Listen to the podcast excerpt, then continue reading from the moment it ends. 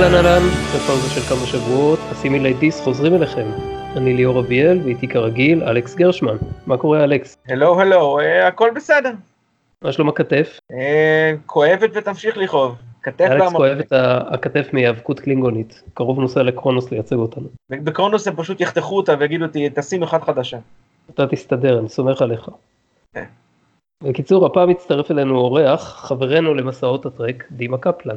מה העניינים דימה? העניינים בסדר גמור, שלום שלום לכולם.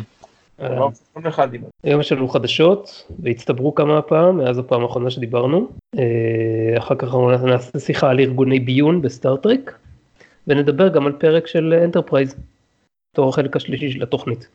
אז יאללה, בוא נתחיל. אבא. היה עצוב לשמוע על אה, ארון אייזנברג, נוג מ-DS9, שהלך השבוע לעולמו. אה, ממה שהבנתי, לא פורסמה סיבת מוות רשמית, אבל כנראה שזה היה קשור לכל מיני בעיות בריאות שהיו לו. עבר השתלת, השתלת כליה בעבר וכו'. אה, הוא הופיע בדוקו של DS9 ב-What We Left Behind שדיברנו עליו לפני שני פרקים, וזאת כנראה הייתה ההופעה האחרונה שלו בקונטקסט טרקי. אז אני שמח שלפחות ראיתי אותו שם יחסית לאחרונה והתרעננתי בדמותו, ולא כמו שקורה לפעמים לשחקנים הפחות מפורסמים, אתם יודעים איך זה ששנים לא שומעים מהם, ואז פתאום אה, מופיעה ידיעה עם השם שלהם והתמונה, אז לפני שאתה קורא את הכיתוב אתה כבר יכול לנחש מה זה, ולמה למה זה, למה הם מפורסמים שם. אז אני שמח שזה לא קרה לפחות בהקשר שלו מבחינתי, כי יצא לשמוע מה היה לו להגיד יחסית לאחרונה. זהו, יהי זכרו ברוך, מה אפשר להגיד? בהחלט. אה, היה, אה, בעיניי הקטע הזה של ה... שהזכרת, רציתי להזכיר את זה גם מה שאמרת לגבי זה שהוא הופיע בפעם האחרונה ב-What We Left Behind, זה בעיניי היה מין רקוויאם אה, לא מתוכנן, או אולי כן מתוכנן, אולי הוא כבר ידע, לא יודע, שמשהו הולך לקרות או משהו כזה, אבל בעצם הוא אמר, אתה יודע, זה שהם הרגו את נוג, אתה מבין, בפרק כן, כאילו כן. מתוכנן של העונה השמינית, זה סוג של היה פריקרסר למציאות. כן, זה... לכן זה, זה אירוני בביטר סוויט כזה שזה אה, קרה, רק שלצערו זה קרה בצורה קצת פחות הירואית, או אתה יודע, אה, דרמטית מאשר שזה קרה ב... לבין דמותו הטלוויזיוני. כן, זה, זה, זה בדיוק מה שחשבתי. אמ, לא יודע הוא, לא יודע אם הוא ידע, ידע שזה הולך לקרות, כי הצילומים והכל זה היה לפני איזה שנה וחצי או משהו כזה, אני כן, מניח. אבל אתה יודע, אבל כ- כנראה שהמצב הבריאותו שלו לא היה, לא היה מי יודע מה, אבל אה, כן, אין איש יודע את אה, אה, יום מותו. אחת שגם ככה הייתה חלקית, מתפקדת חלקית. כן, זה מה שגרם לו להיות כזה נמוך. כן. זה, כן, זה, זה עצוב. בהחלט טוב. עצוב, אה, אני חושב שהיה דמות אה, ממש אה, מעניינת וגם אה, נשמע שהיה בן אדם מאוד אה, חיובי. מאוד מיוחד, כן. כן, בהחלט. טוב, לחדשות פחות עגומות, דיסקאברי זכתה באמי. ייי! לא, לא יודע כמה. זה פחות עגום, אבל בסדר. קטגוריית האיפור. כן. סתם, באמת עשו עבודה יפה שם בפרק אה, If Memory Serves, אה, אם נתאר למה זה יחשוף מהעלילה של הפרק, אבל האיפור באמת אה, hit a soft spot שם, לפחות בשבילי. עוד נדבר על הפרק הזה באחת התוכניות, באחת התוכניות, זה שווה להתעכב עליו. עכשיו, יש את הפריים טיים אמי ואת הדיי טיים אמי, ויש עוד כל מיני אינטרווישיונל וספורט וכל מיני כאלה, וחוץ מזה יש גם עוד חלוקה נוספת, מסתבר, לא ידעתי את זה, לקטגוריות פחות זוהרות, של יותר מאחורי הקלעים של הסדרות, כי אתה, בתכלס אני לא זוכר זה, כאילו הדבר שאני זוכר מהאמי זה דברים מילדותי, שהייתי רואה שהם משדרים את הטקס מדי פעם בערוץ 3 או מה שזה לא היה, ואף פעם לא שמתי לב בדיוק איזה קטגוריות יש שם, זה פשוט טפח עם השנים, עד שהיו צריכים לחלק את הטקס. קיצור, שם בתוך ה... ה אז, אז יש קטגוריה שנקראת Creative Arts Emmy, ושם בתוך הטקס הזה, טקס בפני עצמו שנמשך יומיים, שם בתוך הטקס הזה יש קטגוריה בשם, שנייה כתבתי לעצמי את זה פה, אה, Outstanding Prosthetic Makeup of a Series, Limited Series, Movie or Special, ואת זה דיסקאברי לקחה. היא ניצחה שם סוסים כבדים כמו Game of Thrones ו- וצ'רנוביל, אז הנה, סך הכל הישג. טוב, משהו חיובי צריך להיות, לא? כן.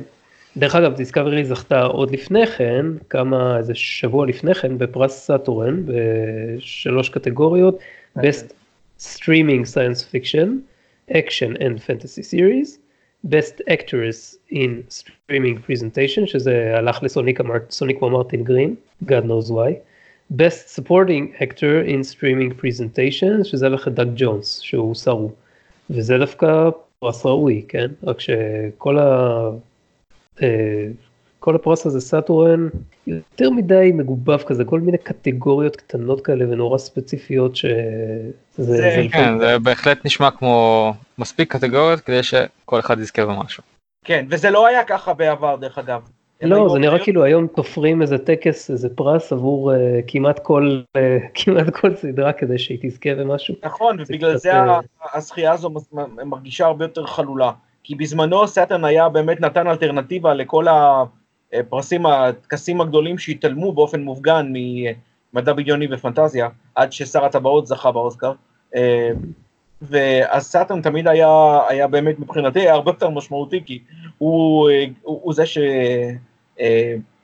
שנתן הערכה ל- ל- לז'אנרים שמעניינים אותי, ברובם בוא נאמר ככה. אה, רגע, אבל- שנייה, אה, עד Lord of the Rings לא זכה אף, אה, אף סרט של מדע בדיוני או פנטזיה, בפנטזיה אולי לא, אבל אף סרט של מדע בדיוני לא זכה באוסקר בשום קטגוריה? לא, לא בטוח סרט סטאר ראשי. הוא לא זכה באיזה special effect או משהו? יכול להיות, אודיסאה בחלל לא זכה במשהו? מה? לא, לא יודע, אני, אני, אני מוכן, אני מוכן להמר שלא, אבל לא בדקתי. לא, אני לא חושב שהעריכו את הסרט אבל הזה. לא- לא. מבחינת הסרט הראשי. Return of the King זה הסרט הראשון שזכה בתור סרט ראשי. אה, הוא זכה ב best, כן, best pic- picture? כן, מתוך ה-11 פרסים שהוא זכה. אחד אה, מהם. הבנתי, Best Picture. אוקיי, הבנתי. אוקיי, אז אתה אומר שבגלל זה הקימו את אה, פרסי סאטורן? לא, לא, לא, סרטן היה הרבה לפני, אבל אני אומר שעד עד אז, עד שהיה הדבר הזה, לא הייתה הערכה, אז לכן סרטן היה, היה, היה מעין קטגוריה אלטרנטיבית, אה, אה, אתה יודע, קצת פחות אה, מפורסם מהוגו ונביולה בספרות, להעריך את הז'אנרים האלה. אחרי כן. זה, זה כבר, אחרי זה הז'אנרים הפכו ל- הפכו להיות יותר prominent בפרסים הראשיים. עדיין לא מספיק, אבל אני אומר, גם עם השנים, במיוחד שלוש-ארבע שנים האחרונות, סאטרן התחיל, כבר התחיל להיות הרבה יותר, כמו שדימה אמר, אה, כל כך אה, נרחב עם הקטגוריות, שכל אה, כל יוסי, משה וחיים יכולים לעשות סדרה וימצאו לה איזה תפקיד, וימצאו לה איזשהו תת פר- פרס זניח. כן? אה, מה- מה מה עם פרסים ל- ל- לפודקאסט הטוב? אולי ניזום איזה ניזום איזה פרס בעצמנו ונחלק לעצמנו יש כל כך הרבה גם אתה בזה, אתה מתכוון ספציפית פודקאסט סטארטרק בעברית, כן? דימה- שלא יהיה פה דימה- שתדע לך שאתה דימה, שבת. אתה מועמד, אתה מועמד לפרס האורח הטוב ביותר עוד מלפני שהתחלנו להקליט את הפרק הזה, אתה כבר מועמד לפרק, לפרס האורח הטוב ביותר בפרזנטציית אה, מדע בדיוני ופנטזיה ב- ב- בפודקאסטים. אני מאוד נרגש. לשמוע את זה. תכין מקום על המדף בקיצור. אוקיי, הנה יש פה בדיוק מקום פה. אה, טוב, הלאה. אה, כמה שחקנים, כולל פטריק סטיוארט, אמרו כמה דברים לגבי סדרת פיקארד, אבל לרוב זה ה mumbo jumbo הרגיל של ה-PR, כן, כל החנפנויות האלה, חוץ ממה שסטיוארט אמר לגבי הפוטנציאל לעונה שנייה. עכשיו אני רוצה לשאול אתכם, ידענו את זה? דיברו על זה בשלב מוקדם יותר? כי זה נראה לי כאילו שכן, אבל זאת הייתה ידיעה חדשה יחסית וזה נראה כאילו היא הכתה קצת גלים. לא אמרו ש- חודשים? לא אמרו שזה עונה של... של- שזה סדרה של איזה שלוש עונות או משהו כזה? או- כן, גם אני זוכר שדיברו משהו על זה, לא זוכר משהו ספציפית לעונה שנייה, אבל כי הוא אמר, מה שהוא אמר זה שהוא כאילו, הוא מתכונן לזה שיכול להיות שיהיו צילומים ולכן הוא מפנה לעצמו זמן בלוז ודברים כאלה, אז זה נראה כאילו, אבל זה, זה, זה עדיין יכול להיות פוטנציאל, זאת אומרת אם הסדרה לא תשיג את ההישגי רייטינג שהם מצפים אליהם ו- ואת כל הדברים האלה, אז יכול להיות שהוא כן צריך למצוא לעצמו תעסוקה חדשה לזמן הזה. לא יודע אם רייטינג זה כזה קריטי מהבחינה הזו, כי אנחנו מדברים על ערוצי סטרימינג, סטרימינג זה יותר קטע של אה, מי שמתחבר.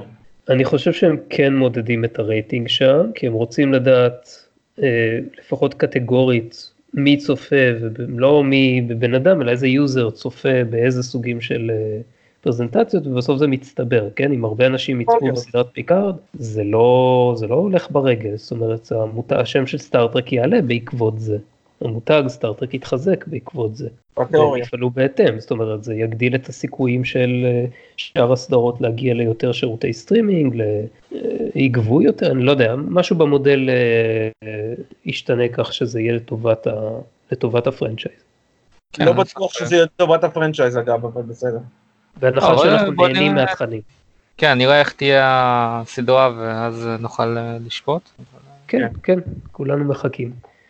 אבל אה, כן. כמו שאתה שאלת, אני, אני זוכר שהייתה איזושהי אמירה שזה יהיה שלוש עונות או משהו בסגנון, אני מניח שהם לא מתכוונים לעשות את זה מראש שלוש עונות, אלא בטח יבחנו באמצע, אם להמשיך או לא להמשיך. יבחנו, כן, תמיד, אה, תמיד אפשר לבחון, היום אין בעיה לעשות את זה ואין שום, שום מגבלה, הבעיה היחידה זה רק איזה סוג של ארק מתכננים. אתם מבינים? כאילו אם מתכננים משהו שהוא לעונה אחת, אז לעונה השנייה הם יצטרכו להמציא איזשהו סיפור מאפס, וזה... לתכנן באמת לעונה אחת, זה, זה מאוד נדיר. אלא אם כן זה איזה מיני סדרה. אה, לא יודע, זה לא נראה לי כזה, כזה נדיר, היום לא יודעים, איזה, מבטלים סדרות אחרי עונה שתיים, לפעמים באמצע העונה מבטלים, אז אה, לתכנן ליותר, לתכנן ארק ליותר מעונה אחת, אם אתה בסדר, לא... זה שמבטלים, אבל אתה יודע, אתה לא עושה סדרה על, על חשבון זה שיבטלו אותך. אתה, אתה, אני מניח שהם מכניסים אולי ריאליזם מבחינת ה, מה יקרה, אבל אתה לא מתכנן סדרה אה, לעונה אחת. כאילו, תשמע, לא- אני, אני לא יודע, אני לא מבין בזה מספיק, יכול להיות שזה קשור לאיזשהו משא ומתן שהרשת עושה עם חברת ההפקה, חברת ההפקה. בטח רוצה, רוצה לתכנן לכמה שיותר עונות, כן. והרשת אם היא לא מספיק בוטחת במותג אז היא אומרת "אה, חבר'ה תעשו לעצמכם אה, תחנות או משהו כזה. אין לי מושג, סתם אני זורק פה משהו. כן, סביר אני- להניח, מה שאתה אומר זה, זה בדיוק מה שקורה, אין, אין שום אה, סיבה מצד הרשת להתחייב להרבה יותר, אם זה לא הולך הם... אה, רציתי להגיד. משהו לגבי לגבי דיסקאברי בהקשר הזה אבל זה לא זה יצטרך לחכות לפרקים הבאים. למתישהו שכבר נהיה אחרי התאריך של אה, שנתיים מהעונה השנייה. אולי זה יותר מדי, אה, זה, אולי זה יותר מדי אגרסיבי הטיימר הזה של שנתיים מאז שמשדרים משהו, אנחנו צריכים לחשוב על זה מחדש. אם, אם היו מגיבים לנו קצת יותר אולי היינו יכולים אה, להעריך את זה. אבל בינתיים אנחנו נשאיר את זה שנתיים. טוב, קשקשנו מספיק חדשות, בואו נעבור למנה העיקרית. אוקיי. אלכס, במקור אתה הצעת שנדבר על סוכנויות שיטור סלש אבטחה בסטארט-טרק, ואני אמרתי שזה נראה לי שזה כשלעצמו פשוט לא נושא מספיק מדובר בסדרה ובסרטים, בסדרות ובסרטים כדי שיהיה אפשר לדון עליו. אז קראתי, ובאמת יש על זה קצת מידע, ואפשר לעשות את זה ככה באיזה עשר דקות, רק את החלק הזה. אז בואו נעשה את זה, ואחר כך נעבור לדבר על סוכניות ביון פרופר. רק עכשיו, אה, אני אתקן אותך, זה לא, לא, לא בדיוק משהו שאני, אני לא, אני לא רוצה לקחת קרדיט שלו ראוי, אלא כשהיה לנו את הפודקאסט, אם אני לא טועה, השני, כשדיברנו עם אה, יואב, על אה, האם הפדרציה היא ארגון צבאי, כן או לא, אז דיברנו בהקשר של let who is without sin ועל הקטע שה...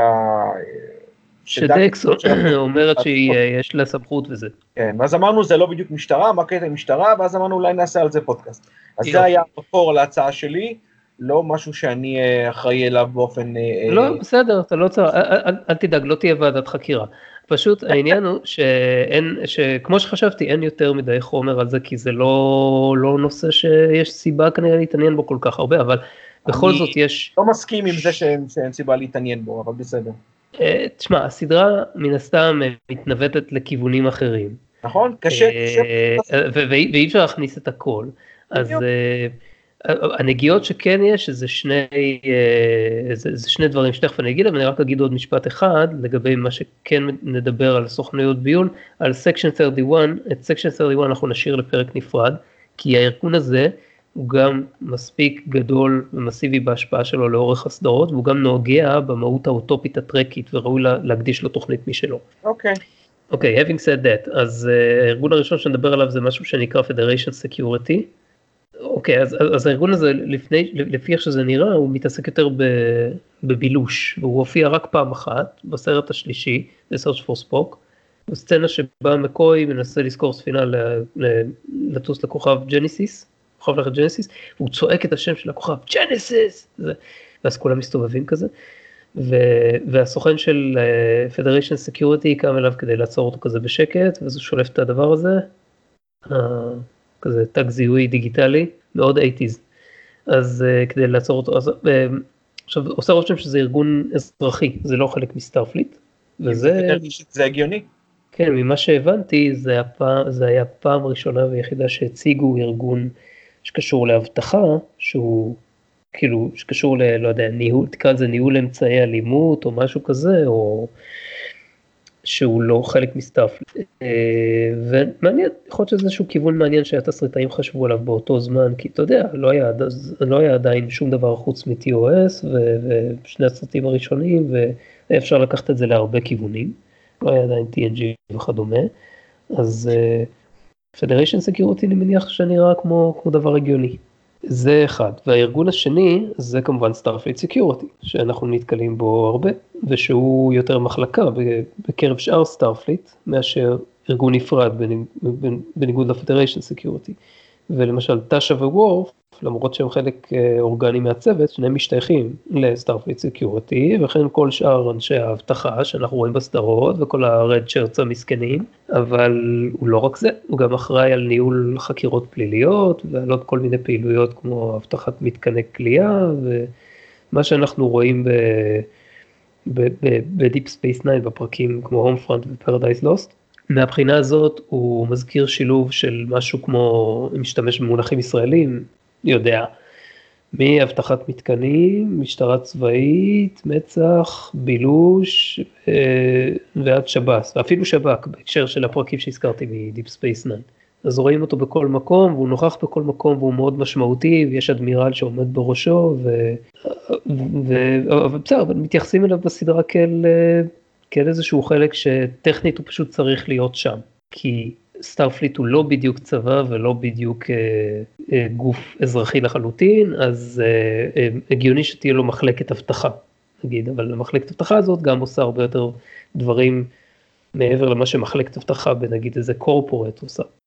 אה, האמת היא שגם אה, עוד כמה דברים שכנראה Starfleet Security עושים, אני קצת אה, רעננתי לעצמי כמה דברים מהעלילות של TNG ומסתבר ש...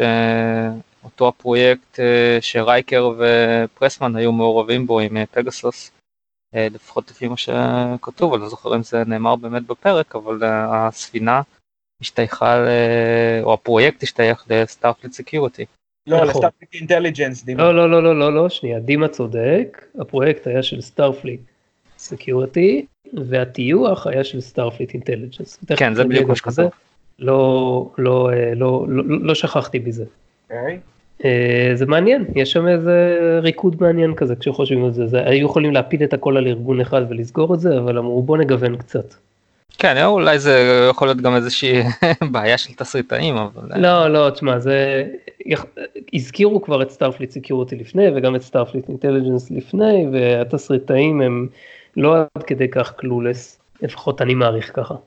אוקיי, אה, עוד, אה, עוד אני זוכר עוד איזושהי נקודה שכשסיסקו ניסה אה, למצוא מה קרה בעצם לאודו עם כל הווירוס הזה שהוא נדבק, אז אחד האנשים שהוא דיבר איתם זה היה איזשהו אדמירל מ Starfleet Security שגם כן, פחות או יותר שלח אותו לחפש את החברים שלו. יכול להיות, נכון. אני כבר לא זוכר, לא זוכר אם הוא היה מ Starfleet Security או אינטל. בזמן, ב-DS9, כבר בתוך מלחמת הדומיניון, אז כל ארגוני הביון כבר היו בפעולה הרבה יותר מסיבית, ובכלל כל, כל, ה, כל ההתנהלות של הפדרציה השתנתה, אז uh, יכול להיות שזה היה Starfleet Security, ויכול להיות שזה היה Starfleet Intel, ומאוד הגיוני להניח שהתפקידים של הקווים בין הארגונים האלה יטשטשו קצת במהלך הלחימה. אז טוב, כן, אז, אה, אז אם דיברנו על שני הארגונים האלה, בואו נעבור לארגון השלישי, שזה Starfleet Intelligence. שהוא ארגון הביון הראשון שנדבר עליו, ארגון, הוא ארגון הביון הרשמי של Starfleet ושל הפדרציה בכלל, והוא אמון על ריגול וריגול נגדי בפורמט שאנחנו מכירים של ארגוני ביון כיום ובעבר של ארגון שגם אוסף מודיעין אנושי וגם מודיעין אותות ויש לו גם סוכנים שמבצעים פעולות בשטח. עכשיו, אזכורים ל Starfleet Intelligence יש אפילו כבר בכמה פרקים ב-TOS אבל ככל שהסדרות מתקדמות, כמובן שגדלה המעורבות שלהם בעלילות, חוץ מ Voyager, ששם פשוט מנותקים מהפדרציה, זה לא רלוונטי. אה, אז ב-TNG, כמו שאמרת, יש כמה מקרים מאוד זכורים, שבהם Starfleet Intel היה מעורב, אחד זה הפגסוס, והשני היה ב-Chain of Command, שפיקארד והחבר'ה יצאו לחפש אה, Weapons of Mass Destruction בכוכב לכת על הגבול עם קרדסיה, ולא מצאו כלום חוץ מארבעה אורות דלוקים. אז ההערכה של Starfleet אה, Intelligence הייתה מבוססת על ההטעיה של הקרדסים. שלארגון שלהם עוד נגיע בהמשך. עכשיו, השיא של המעורבות של Starfleet Intelligence הוא כמובן ב Deep Space 9 במלחמת הדומיניון, ששם אנחנו שומעים לעיתים מאוד קרובות, כמעט כל פרק על משהו שקשור אליהם, ידיעה שהם מעבירים לסיסקו, או פעולה שהם נוקטים בה, או כמו שאתה אמרת, בקשה לאישור או דברים מהסוג הזה. הם הופכים להיות מאוד מאוד דומיננטיים ומתחילים גם שהם אה, לפעמים אה, מתחילים להרגיש שמטשטש הקו בין הפעילות שלהם לבין פעילות לא חוקית במובן של מה שהפדרציה הייתה עד אותו, עד אותו זמן. וזה כמובן שם אותם בקונפליקט עם הדמויות בסדרה, כמו בפרק Inquisition, ששם חוקרים את אנשי הצוות של, אה, של Deep Space 9 על ידי לכאורה אנשי Starfleet Intelligence, למרות שאנחנו יודעים בדיעבד שסלואן שמופיע שם בתור החוקר הוא סוכן של Section 31, אז אולי אי אפשר להפיל את הכל על Starfleet Intelligence, יכול להיות שהוא פעל, הוא פעל מתוקף ה Section אה, ואז זה כאילו אפשר לבוא ולהגיד ש... טוב, אולי Starfleet Intelligence יש לו גם את הקווים האדומים שלו והוא לא היה עושה את זה, אבל האמת לא נראה לי, האמת ש Starfleet Intelligence כנראה ארגון קצת פחות אפל מ Section 31. כנראה שאתה צודק גם אחרת לא היה צריך את Section 31. לא, לא הוא כנראה, כן, הוא רק קצת פחות אפל, אני מתכוון, כאילו, הוא לא מספיק לגמרי בשביל לחצות את, ה, את הקו האדום. לגבי צריך או לא צריך, אז זה כבר דיון מעניין. אמ, יכול להיות ש Section 31, אה, אתה יודע, זה לא, לא כל אה, האנשים שעובדים ב Starfleet Intelligence מודעים אליו. אה, לא, רגע, שנייה, כאילו, אני לא רוצה להיכנס אה, יותר מדי לעומק לגבי הארגון הזה, אבל אנחנו צריכים לזכור שהוא כמובן... אני מבין, אבל אתה יודע, כבר, כבר הזכרת את זה, אז הנקודה היא פה שלא בהכרח הצורך לקשר בין שניהם, זה ברור ש Starfleet Intelligence מודע לקיומו של Section 31, ואולי אפילו מפעיל אותו, אנחנו באמת לא יודעים. ועד כמה המנדט של 31, של 31 עצמאי. אה, אבל אפשר להניח בצורה, לדעתי, בצורה זה, שרוב האנשים הרגילים שעובדים ב Starfleet Intelligence הם לא בהכרח האלה שמקושרים ברמה האפלה ל Section 31. לא, לא, הם לא. אני לגמרי מסכים איתך לגבי זה. דרך אגב, ממה כן, שקראתי, כן. אה, רודנברי מאוד התנגד לרעיון של ארגון כזה, אני מדבר של Starfleet Intelligence, כן, זה סדר אני לא יודע. אה, לא, לא, לא, לא על זה, אני מדבר על, על, על Starfleet Intelligence, אבל בשלבים מאוחר, בשלב, בשלב מאוחר יותר של TNG, שכאמור כבר לא הייתה לו יותר שליטה על התוכנית, עוד לפני שהוא נפטר, לפני שהוא הלך לעולמו, אז דברים התחילו לזוז שם לכיוון הזה, וכבר לא הייתה לו השפעה על זה. אז אה, כנראה שאר הכותבים חשבו שזה רעיון טוב של Starfleet אה, אה, יהיה גם ארגון ביון, ושזה יהיה פשוט נאיבי מדי להמשיך עם זה שיתעלמו מזה. ובצדק. כן, אני מסכים גם כן, אה, זה פשוט אה, לא מציאותי לאור האויבים אה, או היריבים של Starfleet כמו שהם מוצגים, של Starfleet עצמו לא יהיה איזשהו ארגון שיעזור בהתמודדות איתם. כן, לא, לא לפחות רק מהצורך של רומולנים וקלינגונים לבדם. כן. יותר רומולנים וקרדסים, אבל אוקיי. אה, עוד, עוד לפני, כאילו אפילו אם אנחנו הולכים ל-TOS, אז כבר הייתה הצדקה לקיום כזה, לקיום של ארגון כזה. הקטע שאתה צודק מבחינת TOS זה שב-TOS, הקלינגונים של TOS נראים הרבה יותר capable אה, לייצר משהו כמו ארגון ביון, מאשר אלה שאנחנו רואים ב-TNG. או, אה, זה יפה שרציתי כן, כן. להגיע לנקודה הזאת ולהגיד דווקא משהו אחר, כי רוצה להגיע לזה בסוף, אבל אין בעיה להגיד את זה עכשיו. יש עוד כמה ארגונים שאנחנו לא נדבר עליהם בפירוט כי פשוט לא כך מדברים עליהם יותר מדי בסדרות, אבל לגבי הקלינגונים, נגיד אצלהם הארגון שלהם מסייע לפעילות הצבאית, יש להם כאילו ארגון, מסייע לפעילות הצבאית, אבל בגלל איך שהחברה שלהם בנויה, הוא אף פעם לא יצבור כל כך הרבה כוח, כי זה, it's not honorable לקלינגון לעשות מלחמה בתחבולות, מה שנקרא. אז uh, יהיה ארגון כזה, כי אי אפשר לגמרי בלעדיו, וגם הזכירו כמה פעמים סוכנים שלו, אבל הם כאלה תמיד איפשהו פחות, אה, פחות משמעותיים ופחות זוהרים מאשר הלוחמים שנמצאים בפרונט ו-today is a good day to die וזה. כן זה בהחלט אה, קטע תרבותי של הקלינגונים שהם אה, בגישה של לא בתחבולות תעשה לך את המלחמה אז זה פחות יאפיין ארגונים חשאיים. אגב אני לא צודקים אבל אני לא, לא כזה מסכים איתכם שבקלינגונים לא עושים תחבולות. וורף אמר שאחת מהתכונה הכי אה, בולטת שהוא מעריך בתור לוחם קלינגוני זה cunning, שזה הגדרה לתחבולתיות. כן, לא יודע, אפשר להכליל את זה, ויכול להיות שהוא יתכוון לזה במובן צר של הלוחם עצמו צריך להיות cunning, אבל... אה, אולי תחבולה, תחבולה בשדה הקרב עצמו. אה, כן, ולא, נגיד, נגיד לתקוף, לתקוף מתוך ערפל או משהו כזה, או... אה, או אתה יודע, לא יודע. אני חושב שהשימוש במילה תחתונה זה לא, לא בהכרח, אה, אה, אני מבין מה שאתם מכוונים, אבל לא, זה, זה לא, לא מילה נכונה לדעתי. מה, מה שהתכוונתי זה שלא, זה לא שהקלינגונים אה, באופן אפריורי התנגדו לקיומו ופעולתו של ארגון כזה, אלא שהוא, בגלל זה רציתי להגיד את זה בסוף, כי, כי מה שאני אומר מתקשר לשני הארגונים האחרים שנדבר עליהם. מובן, אתה מתכוון שזה לא, לא החלק העיקרי בפעילות החוץ. של ה... זה, זה, זה לא חלק עיקרי והוא גם לא, לא יהיה חלק שיצבור uh, כל כך הרבה כוח. טוב, בוא נכון, נמשיך כן. לדבר על הארגון הבא, הארגון, על הטל שיער. לגבי הרומולנים, הרומולנים חיים במשהו שדומה למדינת משטרה באופן תמידי. יש להם את הטל שיער, שזה ארגון שנע בין סוכנות ביון לאינקוויזיציה, לגוף עם שאיפות לנווט את האימפריה הרומולנית בפועל, מאחורי הקלעים. משטרה חשאית. Uh, השם שלהם מעורר אימה והערכה גם באימפריה של הרומולנים וגם מחוצה לה, בעיקר בפדרציה ואפילו אצל הקלינגונים. עכשיו אנחנו כצופים... הייתי מעורר אימה אצל הקלינגונים אבל הם בהחלט... אה, מעורר, מעורר הערכה, מעורר אה, הרתעה, מעורר, לא יודע, תקרא לזה איך שאתה רוצה. כן. אה, הצופים פוגשים את הארגון הזה בפעם הראשונה בפרק Face of the Enemy בעונה השישית של TNG. אגב, לא זכרתי שזה כזה מאוחר, הייתי בטוח שזה היה לפני זה, אבל לא, זה התחיל שם. ומקבלים את הרושם שיש אה, מתח רציני כבר שם בין הצבא, כאילו הצי ההורמולני, לבין הטל שיער, והארגונים האלה די שונאים אחד את השני, בפרק זה מאוד מאוד מודגש, אה, טרוי שם היא אה, אמורה להתחזות לקצינה של טל שיער ולתת פקודות למפקד של, של, של, של, של הספינה.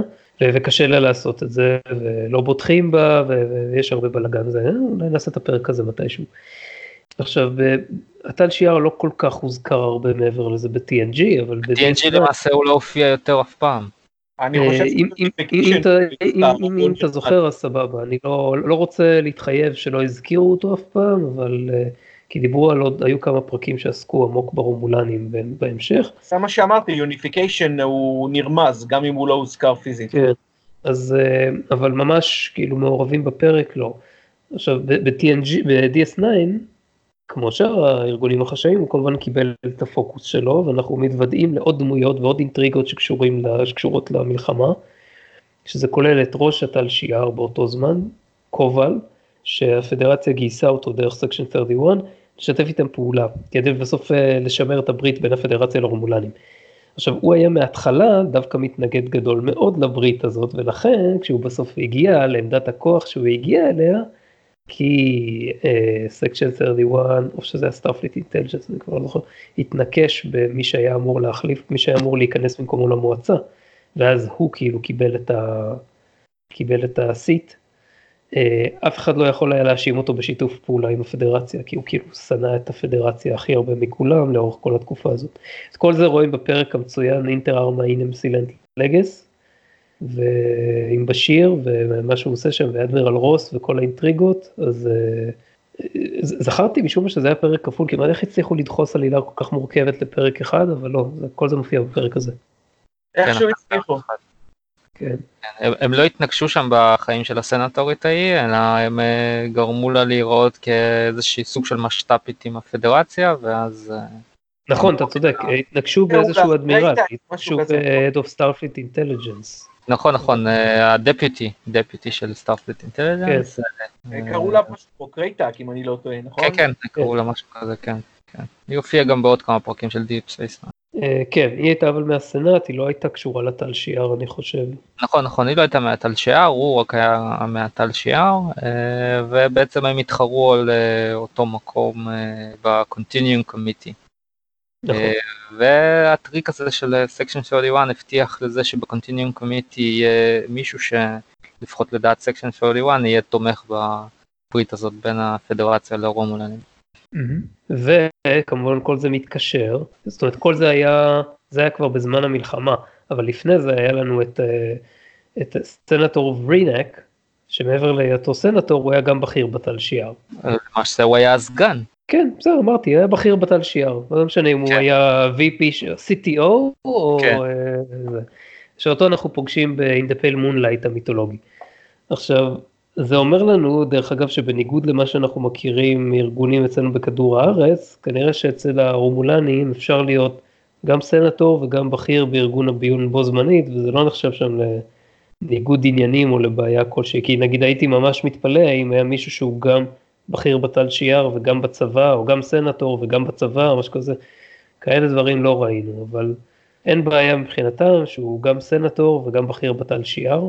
יכול להיות שהתת שיער ש... צריך, אה, צריך איזשהו מפקד אה, או בכיר שיהיה פוליטי, כי זה גוף אה, רשמי. כן, טוב, נו, אתה יודע, מצד שני, אם אדם אחד יכול להיות במקביל, ראש הממשלה, שר הביטחון, שר הבריאות, שר העבודה והרווחה ושר התפוצות, אז מה זה בשביל רומולני מוכשר למלא את שני התפקידים האלה? גם סנטור וגם uh, בכיר בתל שיער. יכול להיות שצריך להיות מישהו שייצג את תל שיער בקומיטי המדוברת.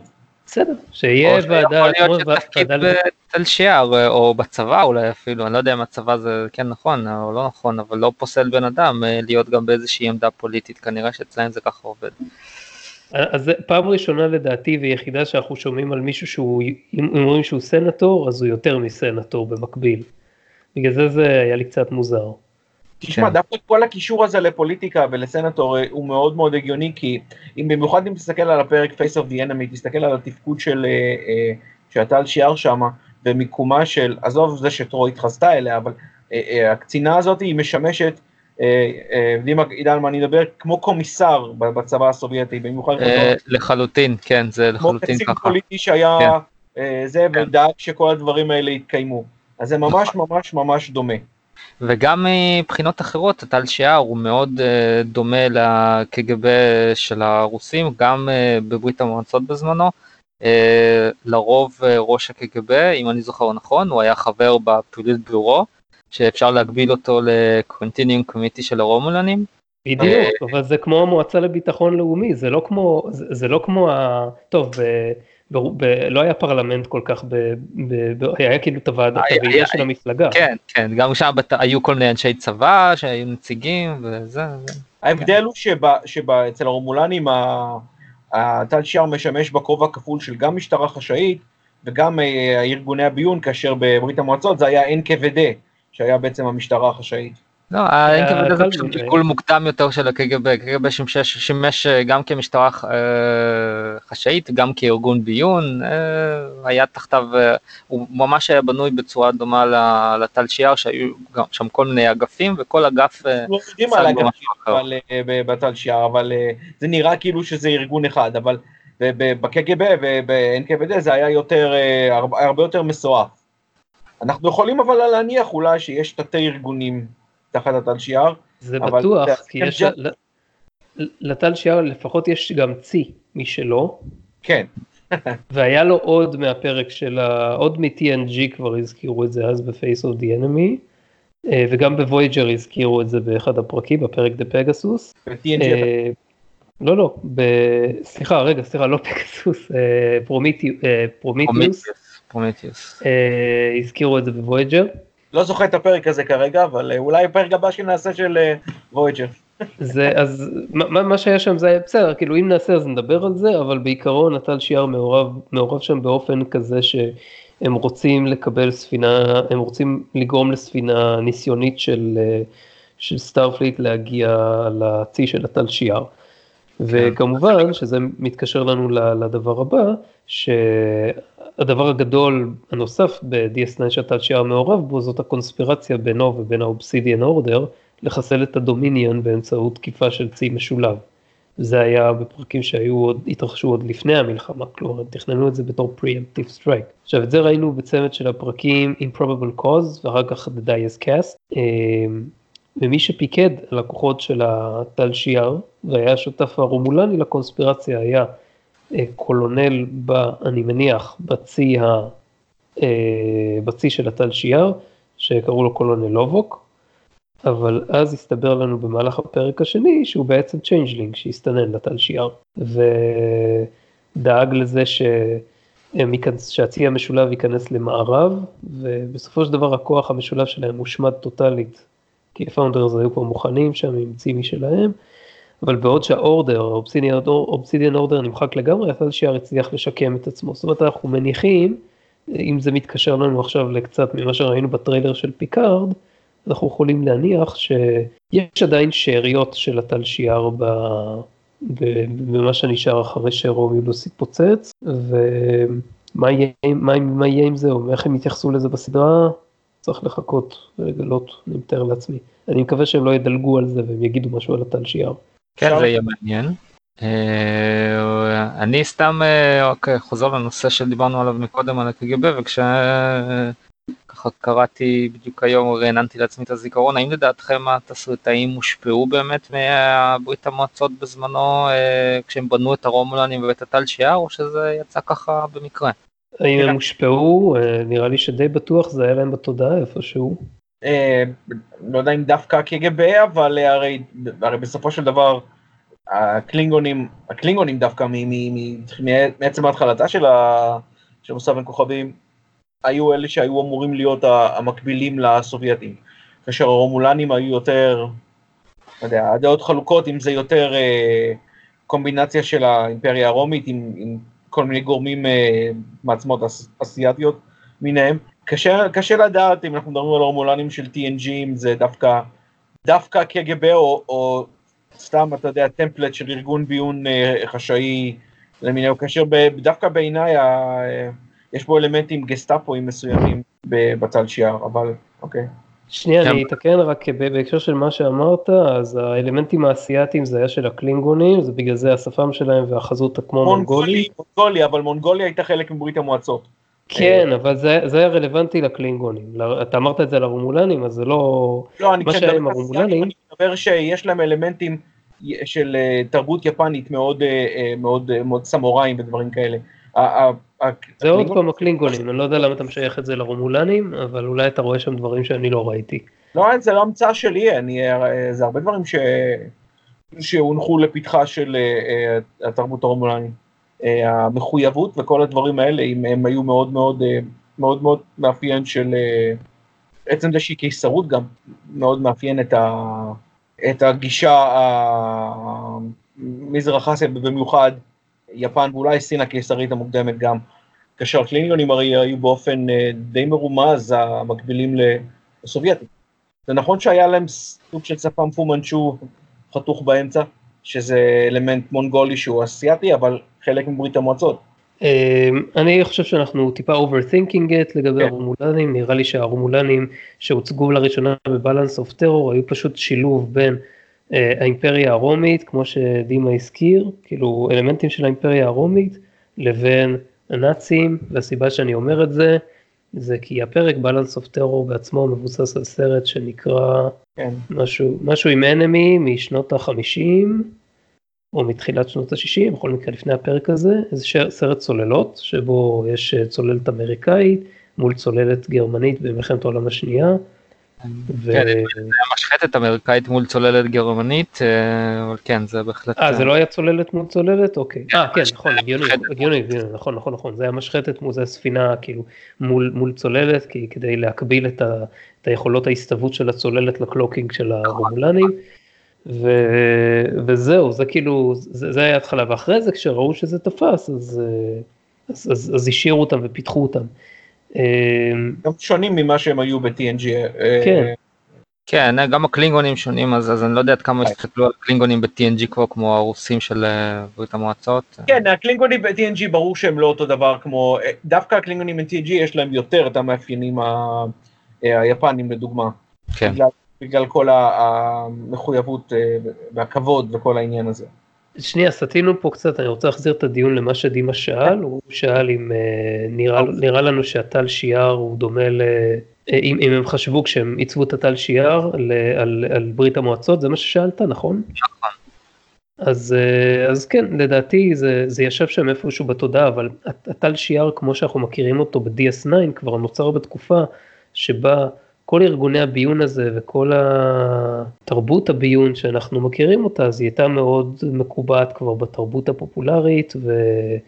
גם שברית המועצות התפרקה פחות או יותר. כן, זהו, אז כבר זה, זה לא, בטח לא היה מכוון ספציפית נגד ברית המועצות, זה היה כאילו, אני חושב שזה היה קצת יותר ברוח של סרטי בונד האחרונים וכל מיני, אה, ו, ו, ואיך שהם, אה, שהם שיקפו לנו את עולם הביון, כי זה כבר לא... זה כבר לא מרגלים כאילו במרכאות כן פרימיטיביים כאלה בשנות ה-60 שמקבצים מגג לגג אלא זה משהו שקורה ברמות הגבוהות ביותר ויש שם הרבה אינטריגות ואנשים מאוד אינטליגנטים וזה מה שאנחנו מקבלים ב, בפרקים של DS9 לא היינו מקבלים ארגון ביון כזה ב-TOS תסריט כזה לא היה עובר ב-TOS כי הוא פשוט לא זה היה, זה היה גם מורכב מדי ביחס למה שהסדרה רצתה להציג. וזה היה גם יותר מדי נותן משקל חיובי לא, לאויבים, כי היה קו מאוד מאוד ברור בין, לא היה קו כזה ברור, כן, היה גם redeeming qualities לתכונות של הרומולנים והקלינגונים, בעיקר של הרומולנים, לפחות בבלנס אוף טרור, אבל היה ברור לגמרי שאנחנו בצד הנכון, והם שם בצד הלא נכון, ו... ואילו ב-DS9 זה היה קצת יותר אפור. ברור שהרומולנים הם עדיין, אה, הם עדיין סוכני רוע, אבל צריך להכניס אותם למלחמה לצד שלנו והם צריכים להילחם לצידנו זה ב-DS9 אני מסכים איתך לגמרי אבל היסודות של הטל שיער בעצם אה, יוצקו באותו פרק ב-TNG ששם אה, כשאותה קפטנית מתארת ומדברת על הטל שיער זה ממש נשמע כמו, כמו דיבורים על אה, קג"ב כמשטרה החשאית או הגלגולים הקודמים שלה אז בגלל זה, זה כנראה שאתה כנראה שאתה צודק, אני לא יודע אם היה להם עוד הרבה דוגמאות אחרות מאוד בולטות ללמוד מהם לגבי זה, ואם זה מה שהם ניסו להשיג, להשיג אז כנראה שהם ראו בקג"ב השראה. טוב, אני רוצה לעבור גם הלאה לארגון האחרון שלנו, שזה כמובן האובסידיאן אורדר. הארגון הזה סך הכל די דומה לטל שיער, מהבחינה הזאת שהוא גם משלב את עניין הביון והאינטריגות וההפחדה על האוכלוסייה, רק אה, בהקשר למה שאתה אמרת, כאילו משטרה חשאית, הוא לוקח את זה עוד יותר רחוק, ובעצם מחזיק את כל האזרחים של הקרדסיאן יוניון באחיזה טוטליטרית לגמרי, מבחינת מעקב אחרי כל דבר שהם עושים, כולל את אנשי הצבא, שאצל הקרדסים זה נקרא הפיקוד המרכזי. עכשיו זה בערך כמו 1984 רק עם פחות חופש אזרחי.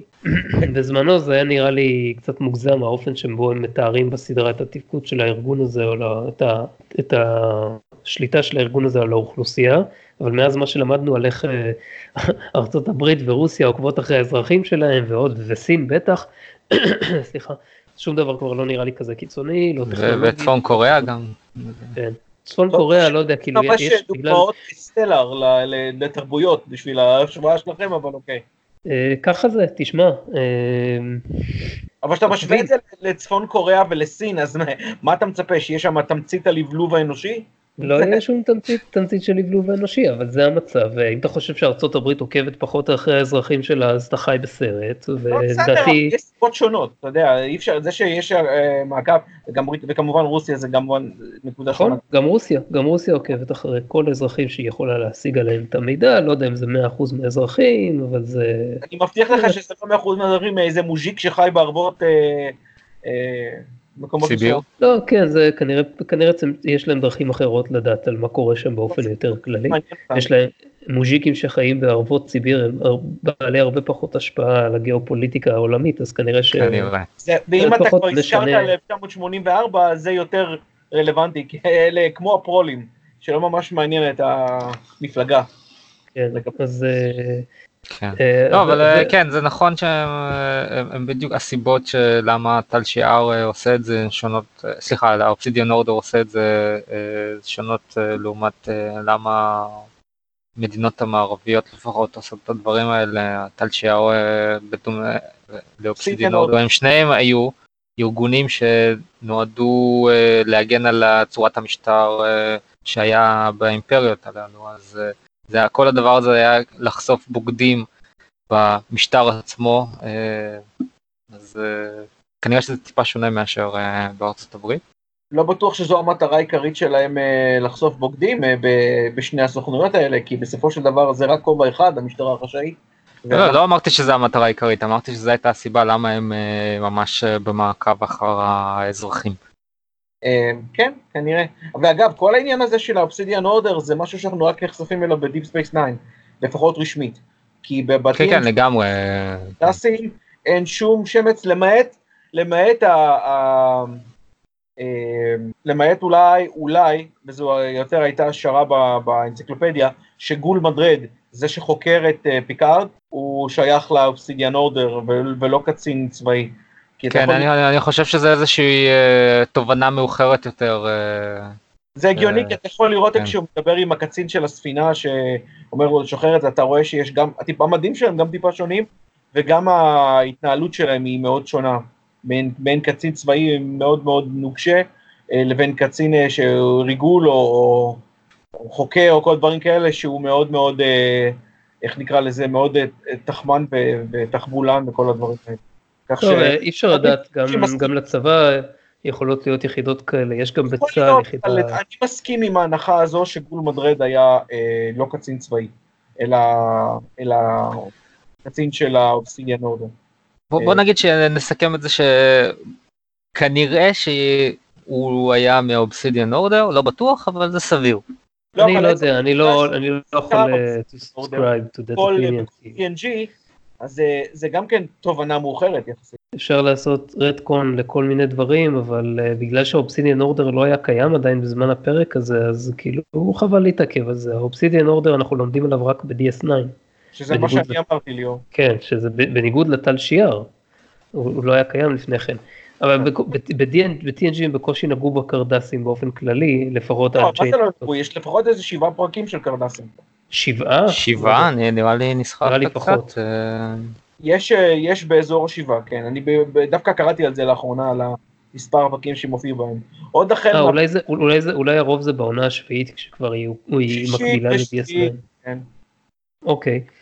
אבל בכל מקרה הם לא, לא מתעכבים עליהם לעומק ב- ב- לא ב-TNG דוחפים את. החברה שלהם כל כך, כן.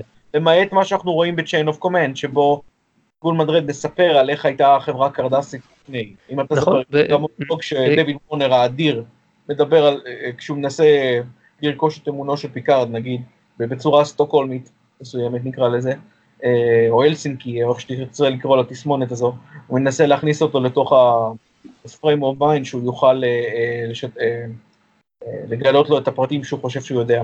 ואז אני אומר, רואים את, אה, את גול מדרד מדבר והוא חושף קצת, אבל מעבר לזה באמת לא ראינו הרבה מעבר לגילויים אישיים של קצינים משני, הצבא, משני הצדדים. לא, לא, היה, לא היה מחקר על החברה הקרדסית. אה, אולי, אה, לא גם כן, לא, בעצם לא, פשוט לא. אה, היה מספיק אותם בתור אוהבים והיה מספיק אוהבים אחרים. אז... נכון. ב-DS9 כבר נכנסים לעומק מבחינת תיאור הסוכנים של האורדר ואיך הם עובדים ומה הם עושים ואנחנו רואים את זה את הכל כמעט את הכל דרך העיניים של גרק שלא משנה מה הוא יעשה הוא לא יצליח להתנתק מהעבר שלו בארגון אה, והאמת היא שעד סוף הסדרה אה, אנחנו לא אי אפשר להיות בטוחים שהוא לא איזה sleeper agent למרות שזה יהיה די אה, די מוזר אם הוא כאילו מדבר על זה כל כך הרבה והוא עדיין agent אבל זה, ה subterfuge שלו. זה, זה העניין. plans within plans. Uh, יש כל מיני אירועים קטנים יחסית שה Order אחראי להם ב-DS9, אבל השיא מגיע בכך שמה שהזכרנו קודם, ש-Enabrant Tain, שהיה ראש המסדר ופרש, מארגן את הצי פלישה שדיברנו עליו, על עולם הבית של הדומיניון, יחד עם הטל שיער, ונופל איתו למתכודת שהם טמנו, ואחר כך כשכולם חשבו שהוא מת בפלישה, הוא מתגלה בפרק אה, In Purgatory's Shadow במחנה השבויים של הדומיניון ושם הוא סוג של משלים עם גרק לפני שהוא מת ואנחנו מגלים שהוא הבן שלו. נכון. אה, אז כאמור האורדר נמחק לגמרי אחרי הפלישה הזאת אבל כשהדומיניון סיפחו את קרדסיה והכוחות שלהם התמזגו פעולות שלהם השתקמו במידה מסוימת והם אה, אפשר להגיד שהוקמו מחדש תחת השם קרדסיאן אינטליג'נס ביורו ואנחנו לא יודעים כמה הארגון הזה דומה לאובסידיאן אורדר ומה היקף ההשפעה שלו. או יותר אה, מזה, כמה, כמה הפעולות שלו הם אה, השלכה של פעולות של בעצם הדומיניון, ולא לא למען האינטרסים של הקרדסים עצמם. כן, אמ, אני לא יודע, מעניין אם תהיה לזה התייחסות בסדרת פיקארד, שוב, כמו, כמו שדיברנו על הטל שיער, למרות שהסדרה לא, לא בפוקוס על קרדסים, אז כנראה שלא נזכה לשמוע מזה הרבה. זה נחמד אם כן. יזרקו לנו סוג של עצם. באופן כללי אני בעד שיהיו כל מיני סוגים של עצמות, שבגלל שהסדרה, אה, ויש פיקארד, עושה פה sidestep טיפה ואומר, בגלל שהסדרה הולכת להיות אה, אה, מרוכזת סביב דמות אחת, וכל מה שקורה לה, אז יהיה קשה להרחיב את הפוקוס לדברים שהתרגלנו מטרק. כן. אבל בכל זאת אני נורא מקווה שיזרקו לנו כל מיני עצמות כדי שנדע איך דברים קורים ב- במאה ה-25 כבר, חמש עוברים או שזה יהיה עדיין סוף ארבע? לא, אם זה חמש, כי אה, אני חושב שזה חמש. אז, 20 אה, שנה, כמה, 30 שנה, 20 שנה קדימה? כן. 20 שנה אחרי נמסיס, כן. 20 20 שנה אחרי. נמסיס. אה, זה כמעט, אה, סוף כן. כן. אז בכל מקרה אז אה, אני אני פשוט מקווה ש, שנדע כמה שיותר מהסדרה ולא שנצטרך לקרוא על זה בכל מיני אה, ספרים או קומיקסים או ממים באינטרנט או God knows what.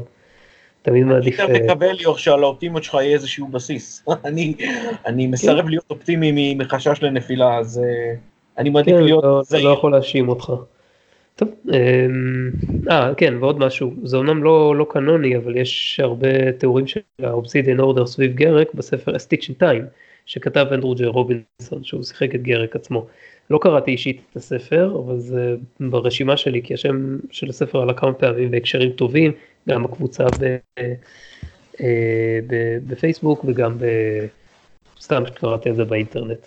טוב, אה, אני האמת שרציתי להרא- להזכיר כמה הבדלים שאנחנו רואים בין הטל שיער לאובסידיאן אורדר. אה, איך שאמרת ליאור קודם, לטל שיער היה צי משלו, למרות שלפי החוקים של הקרדסים, אה, לאובסידיאן אורדר, היה צימי של... לא, לאובסידיאן אורדר אה, אה, חל עליו איסור להחזיק איזה שהם כוחות צבאיים.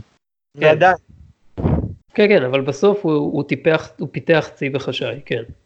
כן, אם אנחנו זוכרים את הפרק של Defiant, הדבר הזה נחשף, ועד כמה אה, אה, גול דוקאט באותו הפרק היה אה, אה, לא מרוצה מהעובדה הזאת שבעצם ה Obsidian Order אה, חורג מסמכותו ובעצם הקים איזשהו צי בחשאי. בעוד שכנראה הצי של הטל שיער היה, אה, קיומו לא הוטל בספק, כמו שאנחנו יודעים. כן, נכון. עוד מ-Face of the Enemy, כן, אף אחד נכון, לא אז, מכחיש את זה. נכון, אז יכול להיות שזה איזשהו אה, ניסיון גם של התסריטאים אה, לבדל באיזושהי צורה את. אה, שני הארגונים האלה ועוד משהו שנראה כמו הבדל ביניהם זה שכתוצאה מזה גם אולי טל שיער הוא מרגיש יותר כארגון סמי צבאי לעומת אובסידיאן אורדר שהוא באמת איזשהו ארגון שהוא יותר מוכוון לביון. למשל גם השימוש אה, של אה, רעל עצמי, רעל להתאבדות אצל הסוכנים, או אותו האימפלנט שכמו שהיה אצל גרק כדי לעמוד ב, אה, בטורצ'ר אם הוא נופל בשבי. מהמם.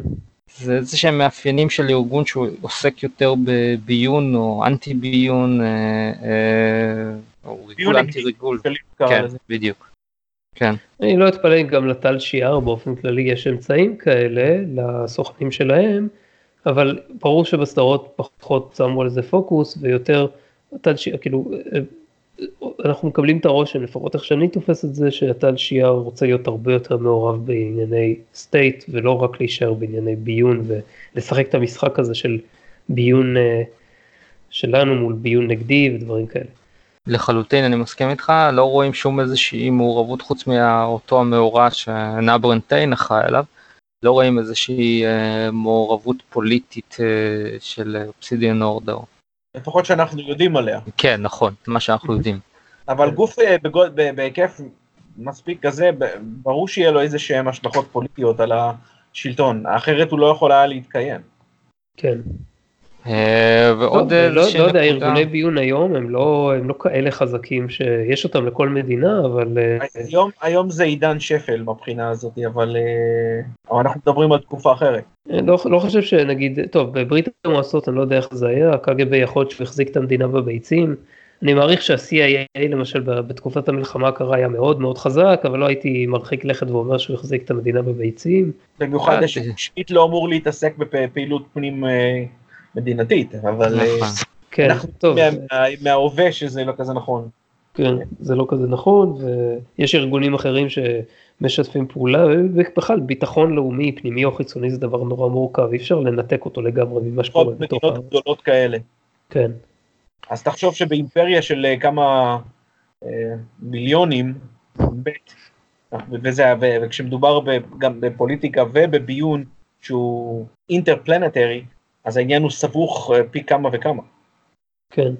נכון. Uh, עכשיו בנוגע למה שליאור אמרת על ההשמדה בעצם של אובסידיאן אורדר, אז uh, אחת התוצאות שראינו מזה שבאמת ברגע שהארגון הארגון הזה שגם שימש כמשטרה חשאית התמוטט, אז ראינו את אותה הפיכה בקרדסיה, שמביאה את ה-Data Council לשליטה כשהיא מדיחה את ה-Central Command.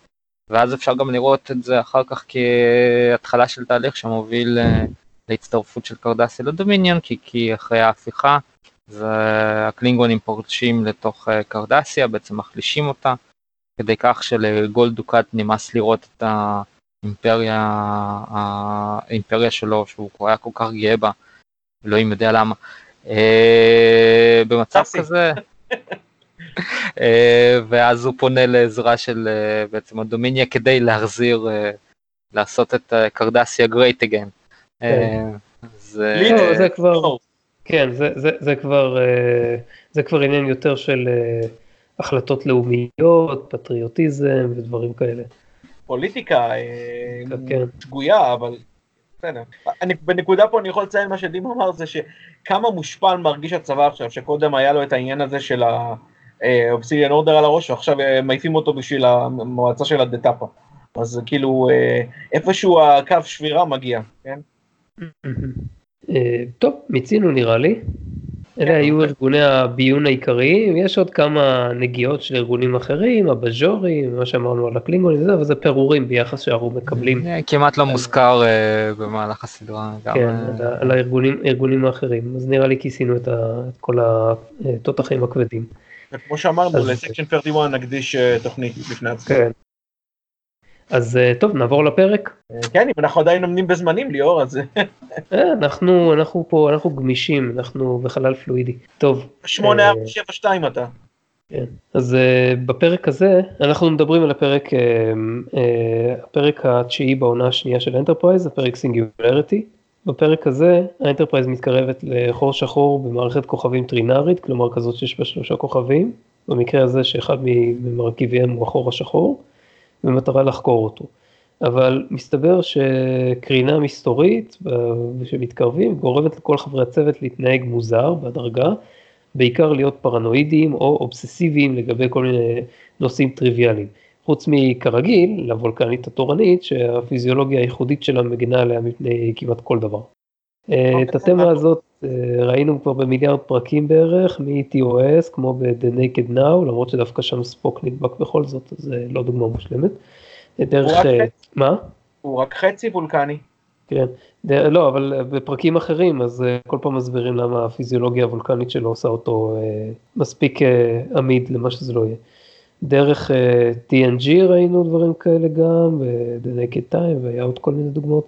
ו-DS9 וכו' וכו', שהשפעה חייזרית, חומר, קרינה, כלשהי גורמת לצוות להתנהג מוזר, ורק אחד מחברי הצוות נשאר צלול מספיק כדי לתקן את זה. דרך אגב, האמת היא שברטרוספקטיבה יש לרעיון הזה מסר מעולה של diversity, בעיניי, שזה ערך שיש הרבה שמזלזלים בו היום בתור עוד איזשהו ניסיון של SJWs לכפות את המציאות הפוליטית קורקטית שלהם, בעוד שלדעתי זה מדגים בצורה טובה.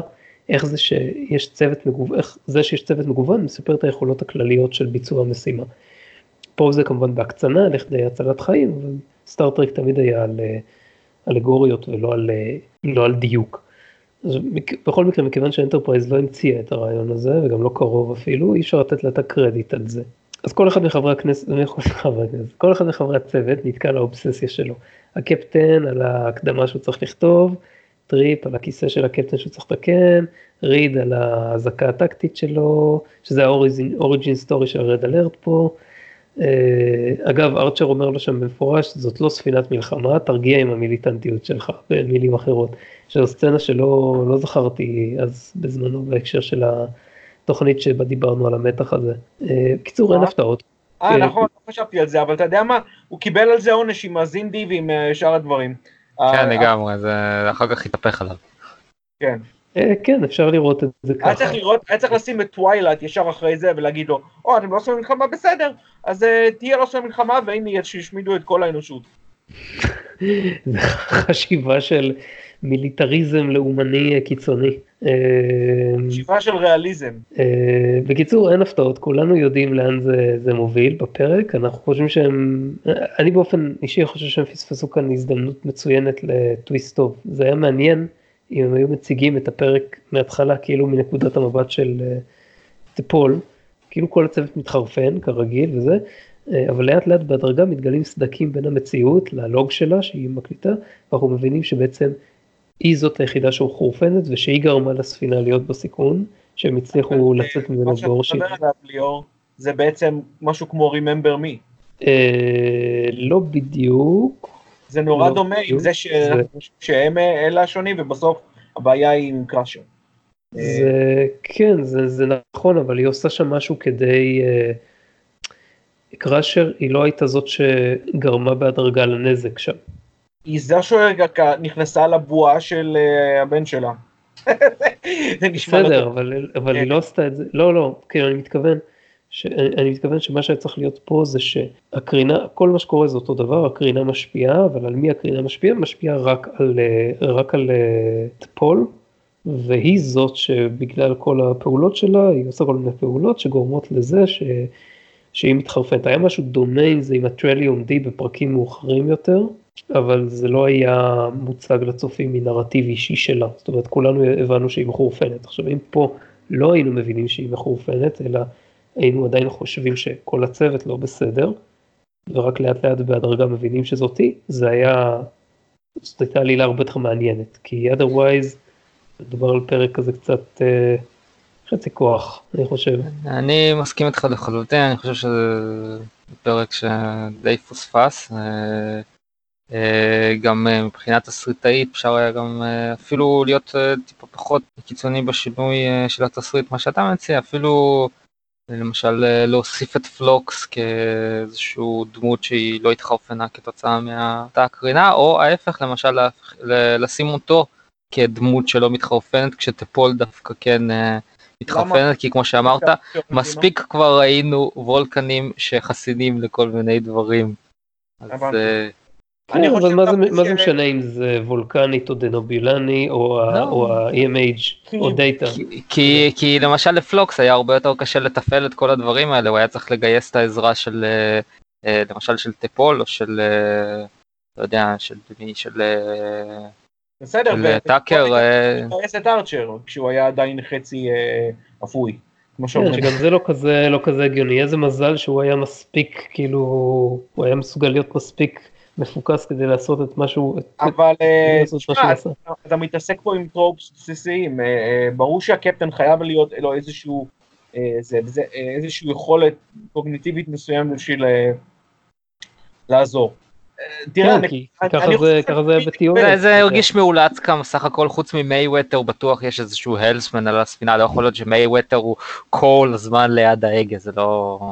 אם לא, שם היא הייתה צריכה ללכת לאיזה, לאיזה מישהו אחר שהיה כאילו סתם איזה קרומן שיש לו ניסיון בלהטיס את הספינה, או אפילו לעשות, לגעת בכפתורים באופן בסיסי, וזה, בסדר, לקחה את הקפטן, אנחנו מבינים, כאילו צריך לקחת איזשהו איש כן, צוות שהצופים... נכון, וגם איזשהו קפטן זה, קפטן זה קפטן סך הכל, כן, אז היה צריך באמת איזשהו איש בכיר אולי, רצו... בשביל העלילה. לדעתי לעשות פה איזה פריקרס למה שקורה ב-TOS ששם הקפטן אוהב את הספינה כל כך כל כך שהוא מצליח איך האהבה שלו יוצרת אצלו את, את האנרגיות הקוגניטיביות כדי להתגבר על הכוח החייזרי או מה שזה לא יהיה שפוגע בשאר אנשי הצוות שהם כנראה לא דדיקייטד למשימה כמוהו. כל כך שנאתי את זה ב-TOS. חשבתי שאמרת שב-TOS אה, זה ה... זה הוולקני התורן שמציל את זה עם כן, הדברים. אבל זה, זה לא תמיד הוא, זה או הוא או קירק. כשזה קירק, זה לא בגלל סיבה פיזיולוגית, שאז אתה יכול להגיד שזה איכשהו מתקבל על הדעת. זה בגלל שהוא פשוט מאוהב בספינה. לא יודע אם זה יהיה שמאוהב בספינה, אבל אתה יודע, יש מה שנקרא אינדיבידואליזם. יש אנשים שאינדיבידואלית פחות פגיעים, יותר פגיעים, או יש להם יכולות שמעבר ל... אה, ליכולות רגילות. אתה חייב להיות... זה כמו שתגיד שבן אדם הוא מספיק חזק קוגניטיב בשביל להתנגד לסמי הרדמה. לא פיזיולוגית אלא קוגניטיבית כי זה לא שקירקו איזה סוס. הוא אתה יודע הוא בן אדם רגיל סך הכל. אבל הנה ככה מציגים אותו הוא איזשהו מיוחד סוס. מציגים אותו כי, כי, כי, כי זה the American way, זה לא מציגים כן. אותו ככה כי... אה, הוא האמריקאי היחיד בספינה, אליום. אם- אם- אתה מתעסק עם זה. אבל הוא האמריקאי הבכיר בספינה. ולכן הוא צריך לייצג הכי טוב את ה American spirit. הנקודה היא זה שהוא הבכיר, ולא הנקודה היא זה שהוא אמריקאי, לדעתי. אבל אנחנו סוטים בכלל מהעניין, אני אגיד לך למה, למה פלוקס לא היה האיש הזה, כי פלוקס אה, אה, הוא ה- זה שנראה שונה מכולם, כי בסופו של דבר היא לא כזאת שונה ט'פול, אה, ולכן בשביל אה, לעשות אותו יותר אה, עם שאר האנשים, אותו דבר, יותר, יותר קרוב, יותר הזדהות עם שאר בני אדם, גם הוא פגיע. אה, אחרת היו אומרים, או, זה החייזר המוזר הזה, זה, זה הוא לא פגיע. אה, אז בעיניי זו, זו הסיבה שפלוקס הוא גם פגיע. אה, כן, אני, מסכים שזה טוב, זה טוב שעשו אותו הפגיע, כי גם האופן שבו, אני אוהב את השחקן, אני אוהב את... אה, ג'ו בילי- מילינסי הוא אח שחקן והוא גם טרקי. אה, אה, אני אוהב את ה... אני, אני, זאת אומרת, בוא נגיד ככה, המשחק בשתי העונות הראשונות האלה של אנטרפרייז, לדעתי, לא היה משהו. גם זה גם לא זה של סקוט בקולה. למרות שאני יודע כן, שאתה אוהב לא, אותו. אבל לא באשמתו של השחקנים כמו מה שנתנו להם. נכון, וגם ספציפית בפרק הזה, הדיאלוגים היו כאלה שאתה אתה רואה בחלק מה... אצל חלק מהדמויות שקשה להם to deliver the lines, כאילו הם, הם לא לגמרי into it. ואם אנחנו ו- יודעים שזה... אה, לא יודע, אני חושב שדווקא טאקר ביטא את אה, התכונות המעצבנות שלו לא רע בפרק הזה. יש לי, יש לי פה חשש שמישהו פה הוא לא מעריץ גדול של טאקר. אה, כן, טאקר לא, לא מאמין זר בפרק הזה, אבל אני יודע ששחקנים שחקנים טובים. טאקר לא זר בפרק הזה והוא, אה, והוא משתפר קצת ב- ב- ב- בהמשך הסדרה לדעתי. אה, לא יודע, מייוודר אה, אין לו, אין, כן. אין לו redeeming qualities. אין לו- אין- אין לו כריזמה, אין לו כלום לדעתי, כן, הוא למייווטר. כן, אבל... כן, אני אה, מקווה שלא ניכנס פה לאיזשהו אה, פוליטיקת זהויות ונגיד למה עשו אותו כזה. אתה יכול להיכנס למה שאתה רוצה, אני מתייחס למה שאני רואה, אני רואה שפשוט לא, גם הדמות... אני סתם השחקן סקרנות, למה אתה. חושב שעשו אותו כזה? אה, אולי בגלל שהוא אה, סך הכל helmsman? טוב, אבל את סולו עשו יותר מורכב ב-TOS, וגם הוא אבל היה כשעשו אלף. אותו, עשו אותו, היה- הייתה מטרה להראות אותו כ... אתה יודע, הנה אנחנו, יש לנו אינטגרציה של אסיאתים. אז היו. יכולים להסתפק בזה, אבל עשו אותו טיפה יותר מורכב מזה. זה נכון. אה, בסדר. אה, אז למה לא- למה אנטרפרייז כן. שמתרחשת 40 שנה, כמעט 40 שנה מאוחר יותר, לא יכולה ל- לא יכולה להשתפר בקטע הזה ו- לא, ולעשות אבל את זה הדמות הנקודה, אני? לא חושב שזה כתוצאה מצבע עורו. אף אחד לא חשב שזה כתוצאה זה מצבע עורו, אתה היחיד? שמעלה את זה. כתוצאה מתפקידו בספינה? כן, זה מה שאני אמרתי. תוצאה, אה. אבל זה מה שאני אומר, כאילו אם התפקיד שלו הוא הלמזמן ומתוקף זה שהוא הלמזמן הוא צריך להיות דמות שטוחה, אז למה סולו לא דמות שטוחה? כי כשסולו נעשה, המטרה שלו הייתה אינטגרציה. אה, כמו שהיה אה, סובייטי, אז היה אחד שהוא, הרי אנחנו לא יודעים, אנחנו לא יודעים על סולו שהוא אמריקאי, נכון? הוא לא אמריקאי יפני, הוא יפני, אנחנו מניחים. אה, כן, אוקיי, אז הם רצו להראות, אתה יודע, 20 שנה אחרי מלחמת העולם השנייה, הנה, אה, כשזה נעשה, שהנה יש לנו יפנים בצי, יש לנו סובייטים בצי, או רוסים, לא משנה. אה, אה, וזו הייתה בתקופה שזה היה קריטי, אתה יודע, אישה שחורה על, ה, על הגשר וכל ה, כל ה, כל ה, כל הדברים שאנחנו יודעים לגבי TOS. זה לא היה כנראה מספיק חשוב להם אה, לעשות את זה ב, אה, באנטרפרייז, כי בסופו של דבר תחשוב על זה, גם ב-TNG, אין לנו helmsman אחד שהוא כל הזמן שם, נכון? ג'ורדי מתחיל בתור ה helmsman, ומאוד מאוד מה- מהר מסתלק משם על ה engineering. וכל ה- כל ה helmsman הם מתחלפים, נכון? אה, אין אחד ש... אה, יש לך את אה, וסלי ב- שהוא אה, די... כן, אבל כן, וסלי שם בתוקף זה שהוא וסלי, לא בתוקף זה שהוא ה helmsman. הוא גם אחרי זה הולך ועושה את ה school project שלו, וגם שם אנחנו לא רואים אותו הרבה. כן, זה נכון. רגע, רגע, אבל כן, בווייג'ר שפשוט למשל, בווייג'ר לא היה שם איזשהו helmsman שהיה בתפקיד משמעותי בסדרה? כן. פריס. פריס, כן. הוא זה- אה, תפקיד... אז אה, זה- זה עוד יותר מחזק את הנקודה שלי שה helmsman זה לא מישהו שהסדרות באופן שיטתי מתעלמות ממנו. אז יש זה, זה מתחלק, אתה יודע.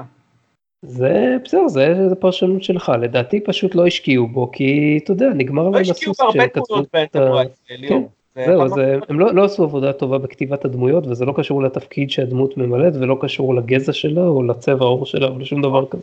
זה מה שאמרתי בהתחלה, אני מקווה שלא יכניסו לזה פוליטיקת זהויות ויגידו, או כתבו אותו ככה בגלל שהוא שחור. לא, כתבו אותו אה. ככה בגלל שכתבו אותו לא ככה. נראה לי שאף אחד אמר את זה, זה גם כל כך דעה לא הגיונית בהתחשב בזה שכבר, זה כבר הסדרה האלפיים, טרק, שנות וכאילו האלפיים. כבר היה קפטן שחור והיו דמויות שחורות עם פוקוס והכל, אז זה- כן, אבל אם- תחשוב על זה, הוא בעצם... למה שמישהו יגיד כזה אה, דבר, על- אוקיי. למה שמישהו יגיד כזה דבר על סטארטר?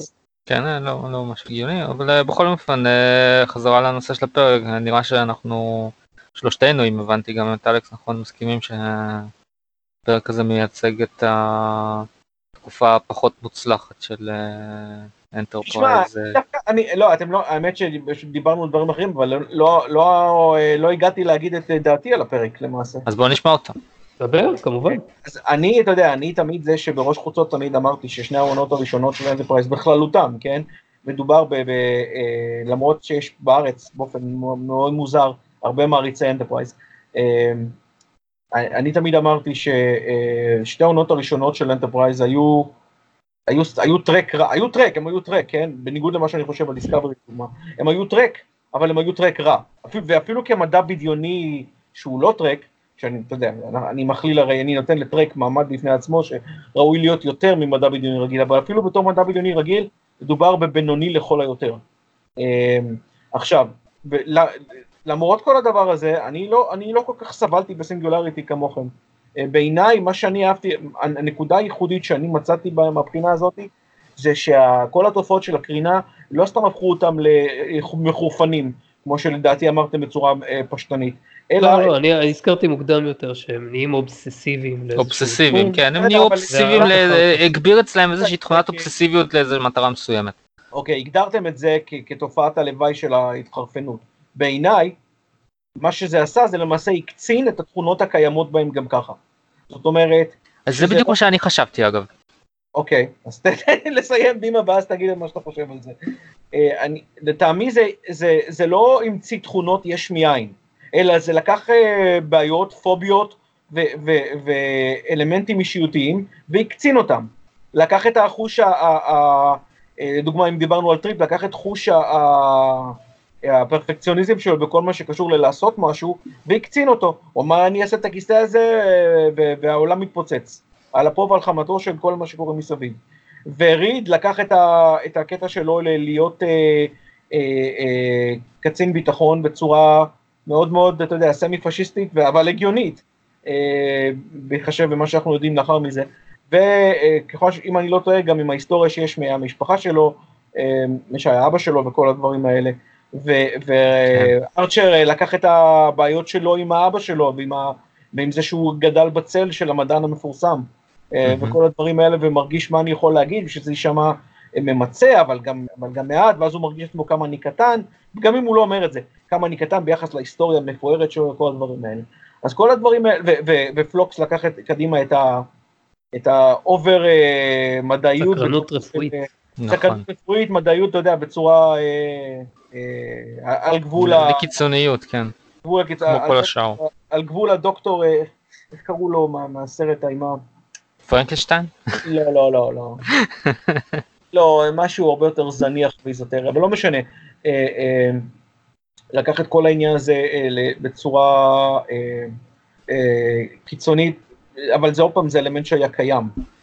ולכן מבח- מבחינתי זה היה נחמד, במרכאות, לראות מה היה יכול להיות אם כל האנשים האלה היו נותנים רסן לדברים שהם מחביאים פנימה, ואם כל הדברים האלה היו בולטים ברמה היותר אה, אה, יומיומית.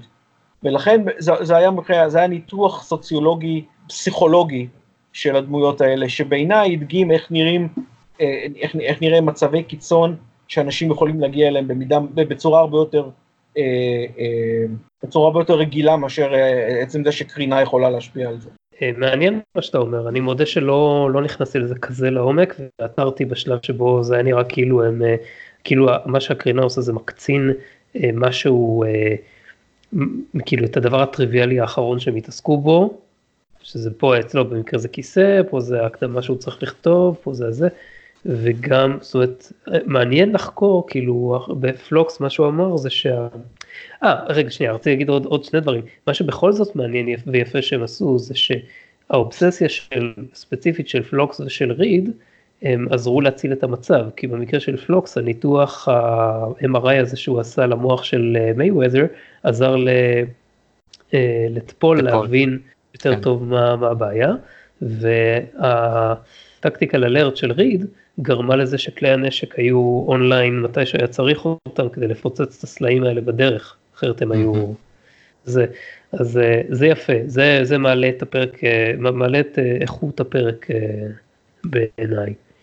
כן, לא מצד שני אושי, אושי שם עסוקה בבישולים, כמו איכשהו נראה כמו אישה במטבח, לא כל כך אהבתי את ה... כן, זה, זה התפספס, זה גם, אני לא זוכר, כאילו אולי אתם זוכרים שהיה איזשהו תחביב בישול, לא יודע, חריג זה, במיוחד? זה מבחינה היה פחות הקטע של אישה במטבח ויותר כמו שף, כמו מניירות של שף משוגע. כן, בסדר, אין, אין בעיה ש... לא חושב שזה היה קשור לזה שהיא הייתה אישה. כן, גם, גם אני לא. הייתה, אה, ובעיניי, אם, אם מסתכלים על סאטו, באמת לא הזכרתי אותה, על אושי, זה היה קטע שהיא, אה, הרי כל פעם אנחנו רואים אותה שהיא מנסה אה, ליצור משהו מההיסטוריה של המשפחה שלה. זה היה גם כן משהו שאולי היא מרגישה שהיא לא מייצגת אותה מספיק וכל הדברים האלה. זה מה כן. שאני הרגשתי אצלה. אה, אני לא זכרתי את הקטע הזה, אז אולי בגלל זה תפסתי את הקטע הזה. היא מנסה לדחוף את התבשיל היפני הזה שלה. כן, כן, כן, אני זוכר מה היא עושה בפרק, אני לא זכרתי שהיו לו כל הזמן אישוס עם המשפחה שלה. זה נראה לי כמו, זה, זה מה שנראה לי ממה שאני זוכר על שאר הדברים של אנטרפרייז, אה, כמשהו שהקטע אה, הנחבא אל הכלים שיוצא החוצה דרך הסצנה הזאת. אה, כן, אז היה, היה קצת יותר, קצת יותר על מה לדבר ממה, ממה שחשבתי. יש לי גם כמה אנקדוטות שרשמתי לעצמי שהיו שם. בקטע של הסקירה של החור השחור, אני לא יודע, גם מה שאני לא יכול להגיד, אני לא יודע אם זה מבוסס, אבל זה יהיה נחמד אם כן. כאילו בקטע של הסקירה של החור השחור בתחילת הפרק, טריפ אומר, אולי נצליח לצלם כמה תמונות טובות, ואז הוא גם חוזר על זה בסוף ושואל אם הם הצליחו. כן. ומעניין לציין שלפני כמה חודשים, אם אתם זוכרים, אה, מדענים נכון. הצליחו לקבל אה, לראשונה תמונה ויזואלית של חור שחור. אה, כן, נכון, נכון. ואקסטרפולציה של מידע שנקלט במערכים של, במערך של טלסקופי רדיו. אז נכון. יכול להיות שב-2002 כשצילמו את הפרק זה היה נראה כמו הישג שהוא ממש רחוק ולאף אחד לא הייתה אפילו, לא היה אפילו את הרעיונות התיאורטיים לגבי איך לעשות את זה, אני לא יודע, אולי לא. או שזה יכול להיות שזה סתם נחמד להוסיף כמה, כמה תמונות לאוסף כשחוקרים חורים שחורים, ולכן טריפ אמר את זה. כי, זאת אומרת, מה שאני מתכוון זה שאם זה היה נראה באותה תקופה כמו הישג ממש רחוק, אז יכול להיות שהסיבה שהם בחרו חור שחור פה זה כי הם חשבו שייקח לאנושות הרבה זמן עד שהיא תצליח להיות מסוגלת לצלם חור שחור. למרות ש... היא לא ממש... יכול, יכול לא להיות שאפילו כל מיני ניטפיקרים אה, קפצו באותו הרגע ואמרו, אה, מה אתם לא יודעים במאה ה-22 שאי אפשר לצלם חור שחור? אה, אי אפשר, לא יודע, אה, כן, אבל לא, לא היה את ה... לא יודע אם הרעיון של המערך טלסקופי רדיו היה קיים, אז אין לי מושג. בכלל, מה ארצ'ר מבקש מהמהנדס הראשי שלו לבדוק את הכיסא? מה אין להם איזה workplace resources בשביל זה? אתה, כן, כל הקטע הזה היה לפני שנראה, שה, לפני שנראה שהקרינה השפיעה. אז כן, זה, זה, זה היה לפני, זה היה לפני. אז זהו, נכון, זה היה לפני. שהוא, זה שהוא מתעקש לו על הדבר הזה, ו, אה, וגם מבקש מטפול אה, אה, שתכתוב לו את הזה, לפני שהתחילו כל ההשפעות של הקרינה, זה קצת הוציא את ארצ'ר באופן, קצת סוציומט וקצת נהנתן, בצורה שלא מאפיינת אותו לפני, ובטח לא אחרי. או זה, או שזה מראה לנו שבספינות ישנות של אז במאה ה-22, בניגוד ללוקסוס שאנחנו מכירים מהסדרות המאוחרות יותר, המהנדס הראשי דואג להכל, למרות לא, שהייתי צריך שהוא... לא, זה לא הנקודה, זה ליאור, הנקודה היחס של ארצ'ר, שהוא מבקש... כן, אבל בסדר, יכול להיות ש... דברים שלא קשורים לתפקוד התקין של ה... לפ... לפעולות, כן? זה נראה לי פשוט לא, לא טיפוסי לדמות של, אה, של ארצ'ר, ולכן יכול, אני יודע, יכול להיות שכן כבר התחילו התופעות. אבל זה היה כמו... אה, מה, מה אתה מבקש ממנה? כאילו זה נראה... תראה, לא, לא חושב שהוא באמת ציפה מטפול אה, לכתוב את, ה, את ההקדמה. היא מאוד רציני כשהוא אמר את זה. אה, אני לא, לא יודע, לא תפסתי את זה ככה. אני חושב שדווקא אפשר להסתכל על זה בצורה אחרת. יכול להיות שעוד איזשהו נדבך של התפתחות הקשר ביניהם, שברגע שהוא מבקש ממנה כזה דבר, זה מראה אה, שהוא עד כמה הוא מחשיב את דעתה יותר ויותר, אה, נגיד, בסדר, סומך אבל עליה. אני אמרתי את זה כחלק מעניין ממה שהוא גם ביקש מטריפ, אז אתה יודע. זה... אה, מה שהוא ביקש מטריפ, אז תשמע, היה להם שם מצב שהם היו צריכים לטוס איזה יומיים, ולכאורה לאף אחד אה, אין מה לעשות אה, באופן מיידי, אז ביקש ממנו איזה לא, משהו כן, קטנה. הוא, כן, הוא כן היה עסוק באיזשהו... נכון, נכון, הוא אמר לו שם, אבל בסדר, הוא לא- הוא לא בהכרח ציפה שטריפ בעצמו יתחיל לעשות את זה, אתה יודע, תמיד אפשר ל- לשלוח איזה junior engineer. כן, ציפיתי שהוא יגיד, יפיל את זה על איזה crewman דאגלס או whatever. כן, משהו כזה. אבל הנקודה היא שכשהוא התחיל לעשות את זה, אנחנו באמת לא יודעים אם זה כבר הייתה השפעה של הקרינה או לא. הוא התחיל אה, כנראה לפני, ו- ו- לא זה קצת יותר מרקי. מה שאנחנו כן יודעים, זה ששני הבקשות ה-rather uh, self-indulgent האלה של ארצ'ר התחילו לפני שקרו הדברים. ולכן כן. בעיניי זה היה אה, משהו שהוא שונה מהרגיל, אבל- אה, בסדר. כל אחד וה- מניח הדעות שלו בקטע הזה. בסופו של דבר זה מה שאנחנו אה, מדברים עליו. דרך אגב, כן. ב- במגורים של ארצ'ר, נדמה לי באותה סצנה שהוא מדבר עם טפול אז רואים את זה, אבל גם בסצנה אחרת, יש פסלון של זפרם קוקרן, שהוא העתק של הפסל שלו בסייט של ה First Contact עם היד מורמת הזכיר אותו למעלה. מיד כשהוא מדבר על אה, על אבא שלו. נכון. הוא הזכיר את הפסל? לא, הוא הזכיר את קוקרן. אה, כן, אבל... אבל, הוא, לא, לא, הוא, לא, הוא לא דיבר על הפסל ואני לא זוכר כי אני לא ראיתי את אנטרפרייז מזמן אני לא זוכר אם זה הפעם הראשונה שמראים את הפסל הזה בסדרה או שזה היה כבר בפרקים קודמים יותר כי זה כבר עונה שנייה וזה לא פעם ראשונה שמראים את המגורים של ארצ'ר. אבל אני לא זוכר אם הראו את הפסל הזה לפני. אה, אני לא שמתי לב אפילו האמת. לא, שמתי לב, אבל לא יודע, לא, זה לא, לא תפס תפקיד נ- נרחב מדי. יותר, יותר היה בעיניי הקטע הזה שהוא, אה, לדעתי זה גם נועד לסמל משהו, זה שהוא צועק על אה, פורתוס, ורואים איך, איך הוא נעלב והולך ל... נכון, אה, עד- עד- זה כנראה נועד לסמן עד כמה הוא מרוכז באובססיה בוודאי, שלו. הוא מאוד אוהב את, אה, את, אה, את אה, פורטוס. כן, בתור, בתור אחד שיש לו כלבים, זה מאוד מאוד נגע לליבי הקטע הזה. אה, ודבר אחרון ששמתי לב זה שטפול עובדת שם עם מסך שכתוב עליו בפירוש נק מאחורה קלטתם את זה? אה, לא שמתי לב. אולי החברה שהייתה פעם גדולה והיום הפכה להיות אלמנט זניח, שרדה איכשהו. היא לא כזאת זניחה, היא אומנם לא גדולה כמו שהיא הייתה בעבר, אבל היא עדיין אה, חברה גדולה ומשפיעה, ועדיין מייצרת מסכים והכל, אבל כן, אני חושב שזה- שבתחום זה- ה-OEM יותר. אה, לגופים, בעיקר לשוק ה-commercial, הם כבר אה, ממש זניחים בשוק ה-consumer. כן, אה, אבל לא כנראה יותר אה, ב-OEM. אה, כן, בכל מקרה, זה, או שזה product placement מכוון, כמו שיש את קוקה קולה בבלייד ראנר, או אני שהם לא פשוט, ראיתי את זה, לא שמתי לב לקטע הזה אגב ליאור, אבל לא כן, או שהם פשוט שכחו להוריד את הלוגו מהמסך. זה ו- יותר סביר לצערי. כן, כמה אה. קשה, לא צריך לגרד את זה, היה צריך לשים איזה מדבקה שחורה מאחורה, ואף אחד לא היה שם לב שיש לוגו מאחורה. זה חמוד, אני אוהב, זה, אני דווקא אוהב תעשיות כאלה. האלקטרוניקה המאוחדות של ולקן או משהו כזה. לא, לא, לא, זה זה נראה כאילו ציוד שהוא standard issue של סטארפליט, אבל זה לא כך סביר שזה יהיה של NEC, אתה יודע, זה כמו ש... כן, לא, יותר אם היו סביר עושים סדרה, סמסונג. אם היו עושים סדרה ב... לא יודע, שמתרחשת, ב, ש, ש, סדרה, אם היו כותבים איזושהי סדרה במאה ה-17 לצורך העניין, והיא הייתה מתרחשת 200 שנה מאוחר יותר, זה לא, הגיע, לא היה הגיוני שהיו שמים שם כאילו East India Company על uh, כל מיני מוצרים וספינות ודברים כאלה.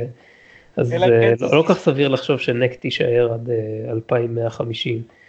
ש... אה, תשמע, לפחות בסרט אה, הראשון של אברהמס, אם מישהו זוכר את, אה, נדמה לי, אחד הקטעים הראשונים היה שם טלפון של נוקיה? אה, לא? כן, זה bullshit, זה product כן, זה ברור שזה הכי bullshit, אבל עלובה כן. שיכולה להיות. כן, זה היה commercial נראה לי. רגע, רגע מביש. מאוד. אם היינו צריכים עוד סיבה לתעב את ה garbage הזה, אז הנה קיבלת אחד. סך הכל אה, אין לי הרבה יותר מדי מה להוסיף. אה, פרק סביר לדעתי במונחים של אה, במונחים של אנטרפרייז של השתי עונות הראשונות, כאילו היו פרקים הרבה יותר גרועים. כתיבה במונחים פושרת, של שתי העונות הראשונות ליאור, זה זה אחד מהפרקים הטובים יותר, אם כבר. לא יודע. לא היו. הרבה כאלה. בפרק הזה קיבל בכמה, בכמה אה, מדדים את אחד מעשרת הפרקים הטובים של... אחד מעשרת הפרקים הטובים של שתי העונות הראשונות. אה, באמת, אז שתי העונות האלה. היו כנראה הרבה יותר גרועות כן, ממה כן, שזכרתי. זה עצוב. הרי אמרתי את זה כרגע. אז, אה, אז כן, שמע, זה לא...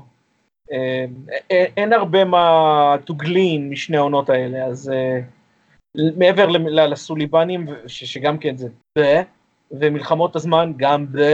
אז אתה יודע, אין הרבה. בהחלט.